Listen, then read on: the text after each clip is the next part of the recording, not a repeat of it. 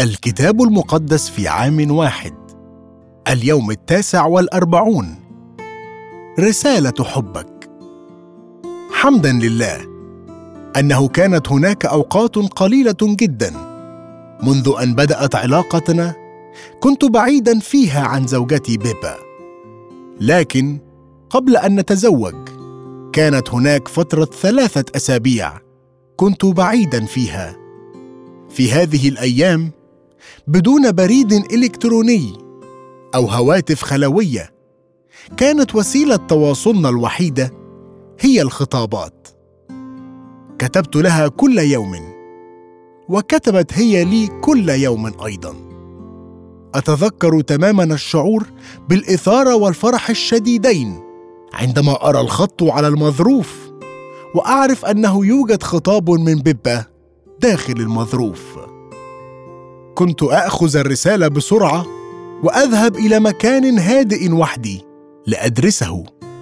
لم يكن الخطاب المادي ذو قيمة لكن حقيقة كونه مكتوبا بيد شخص أحبه جعله ثمينا جدا لدي.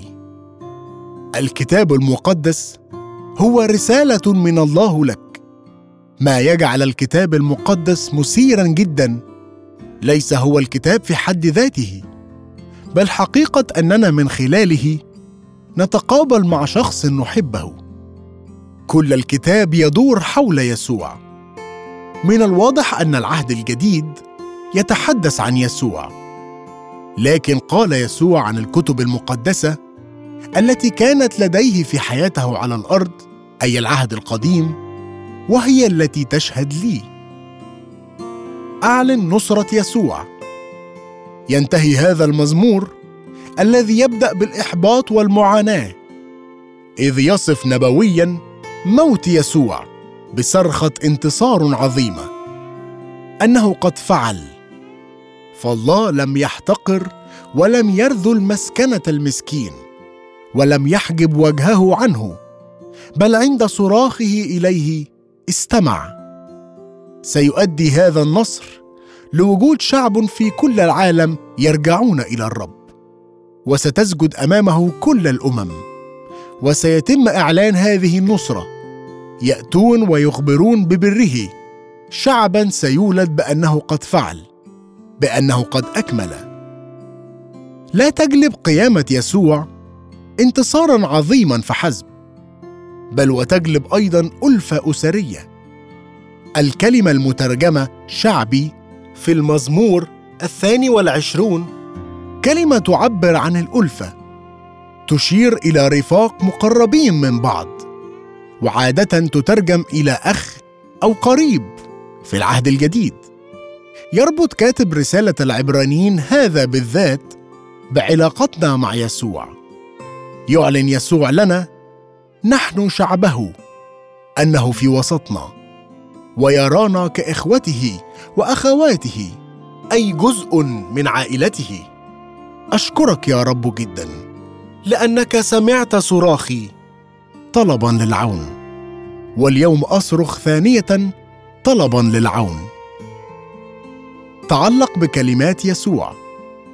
يراك يسوع جزءا من عائلته المقربة وهو يريدنا كلنا أن يكون لدينا أقرب علاقه لصيقة معه مثل اخ أو أخت أو أم. نرى في هذه الفقرة أن هذه العلاقة تتغذى على كلمة الله عن طريق كل من الاستماع للكلمة وممارستها لأن من يصنع مشيئة الله هو أخي وأختي وأمي. يتكلم يسوع عن قوة كلماته والتي هي كلمات الله. يأتي الكثير من تعليمه إلينا في صورة قصص يستمتع كل الناس بالقصص الجيدة. ومعنى المثل موجود في داخل القصة. ينام الناس أثناء الوعظ المجرد والنظري لكنهم يستيقظون لسماع قصة جيدة. للقصة سطوة النفاذ إلينا قبل أن تستيقظ دفاعاتنا. يبين مثل الزارع قوة الكلمات على تغيير الحياة. فإن سمعت الكلمة وقبلتها فستكون مثل الذين زرعوا على الأرض الجيدة. الذين يسمعون الكلمة ويقبلونها ويثمرون واحدا ثلاثين وآخر ستين وآخر مئة. وستنتج محصولا يفوق أكثر أحلامك جرأة. نرى كثيرا في برنامج ألفا القدرة غير العادية لكلمات يسوع. على تغيير الحياة تماما. وجعلها مثمرة. ليست فقط حياة من سمعوا. هي التي تأثرت. بل وحياة آخرين كثيرين أيضا. لأن الناس يحضرون اصدقائهم ليسمعوا كلمات يسوع. لو لم يكن لكلمات يسوع أي أثر فالمشكلة حينئذ لدى المستمع. في أوقات معينة تكون حياتي فارغة جدا لدرجة أن كلمته لا تتجذر فيها. وفي أوقات أخرى تأخذني المشاكل الموجودة في حياتي أو المقاومة المتاعب والاضطهاد بعيدا عن العلاقة اللصيقة مع يسوع. وفي أوقات أخرى هموم هذا العالم وغرور الغنى وشهوات سائر الأشياء تدخل وتخنق الكلمة. فتصير بلا ثمر. يمضي يسوع ليشدد مرات ومرات على أهمية الكلمة وعلى سماعها. احرصوا على ما تسمعون. بالكيل من التفكير والدراسة الذي تقدمونه للحق الذي تسمعونه. سيكون هو الكيل من الفضائل والمعرفة الذي يعود إليكم. بالإضافة إلى المزيد لكم يا من تسمعون.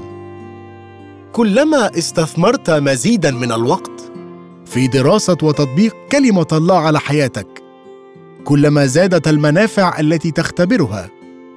اجعل هذا أولوية عليا لديك. أعطي الوقت لتأخذ كلمات يسوع إلى حياتك ولن تندم. يبين مثل البذار التي تنمو أنه ما أن تزرع كلمات يسوع في حياتك فيمكنك أن تتوقع أن تحمل ثمارا. ستحصد فيما بعد.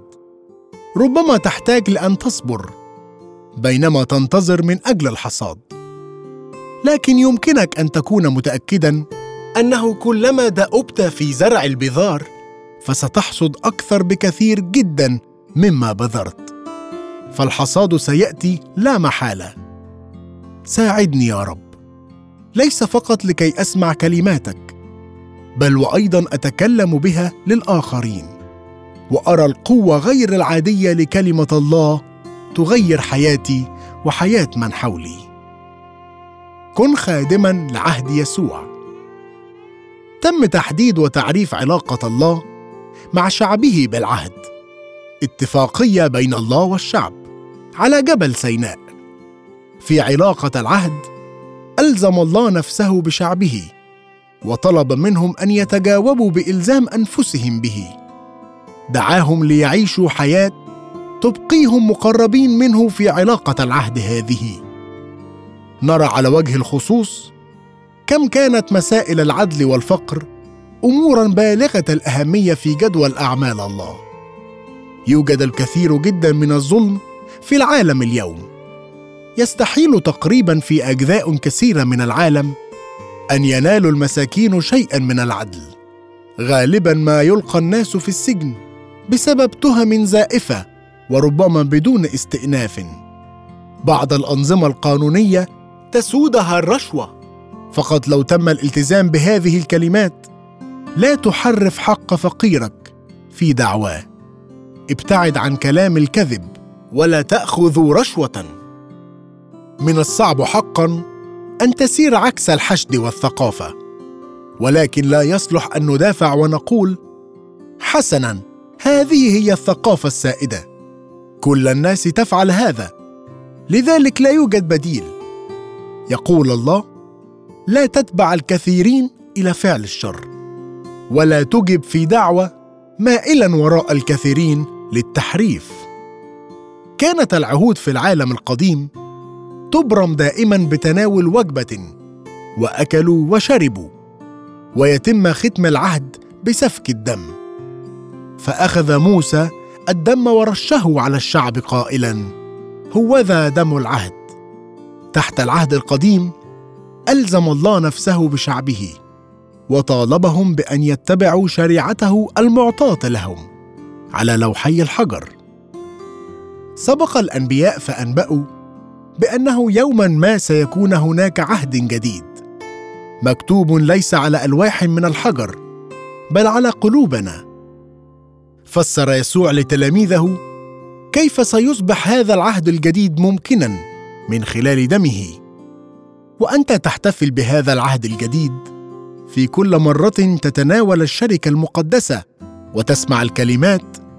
هذه الكأس هي العهد الجديد بدمي تصف رسالة العبرانيين بتفصيل شديد. كيف صار يسوع وسيط العهد الجديد؟ تحت هذا العهد تتم مغفرة كل خطاياك ويصبح لديك علاقة مع يسوع إلى الأبد. من خلال يسوع أنت خادم للعهد الجديد. جاء العهد القديم بمجد وحل مجد الرب على جبل سيناء. وكان منظر مجد الرب كنار آكلة على رأس الجبل أمام عيون بني إسرائيل. يكتب بولس فكيف لا تكون بالأولى خدمة الروح في مجد؟ ونحن جميعا ناظرين مجد الرب بوجه مكشوف كما في مرآة نتغير إلى تلك الصورة عينها من مجد إلى مجد كما من الرب الروح. أشكرك يا رب. لأنه إذ أقرأ كتابك أتقابل مع يسوع. يا رب ساعدني كل يوم بينما أنصت لكلماتك وأتقابل معك. أن أنمو في علاقة محبتي وأن أعكس مجدك بينما أتغير إلى شبهك بمجد متزايد على الدوام. عند النظرة الأولى أجد هذه الفقرة صعبة. تبدو كما لو كان يسوع يتجاهل أسرته الحقيقية. لكن ما كان يقول في الحقيقة هو أن كل شخص يؤمن به ينتمي لعائلته. آمنت أمه وعائلته به وتبعوه للنهاية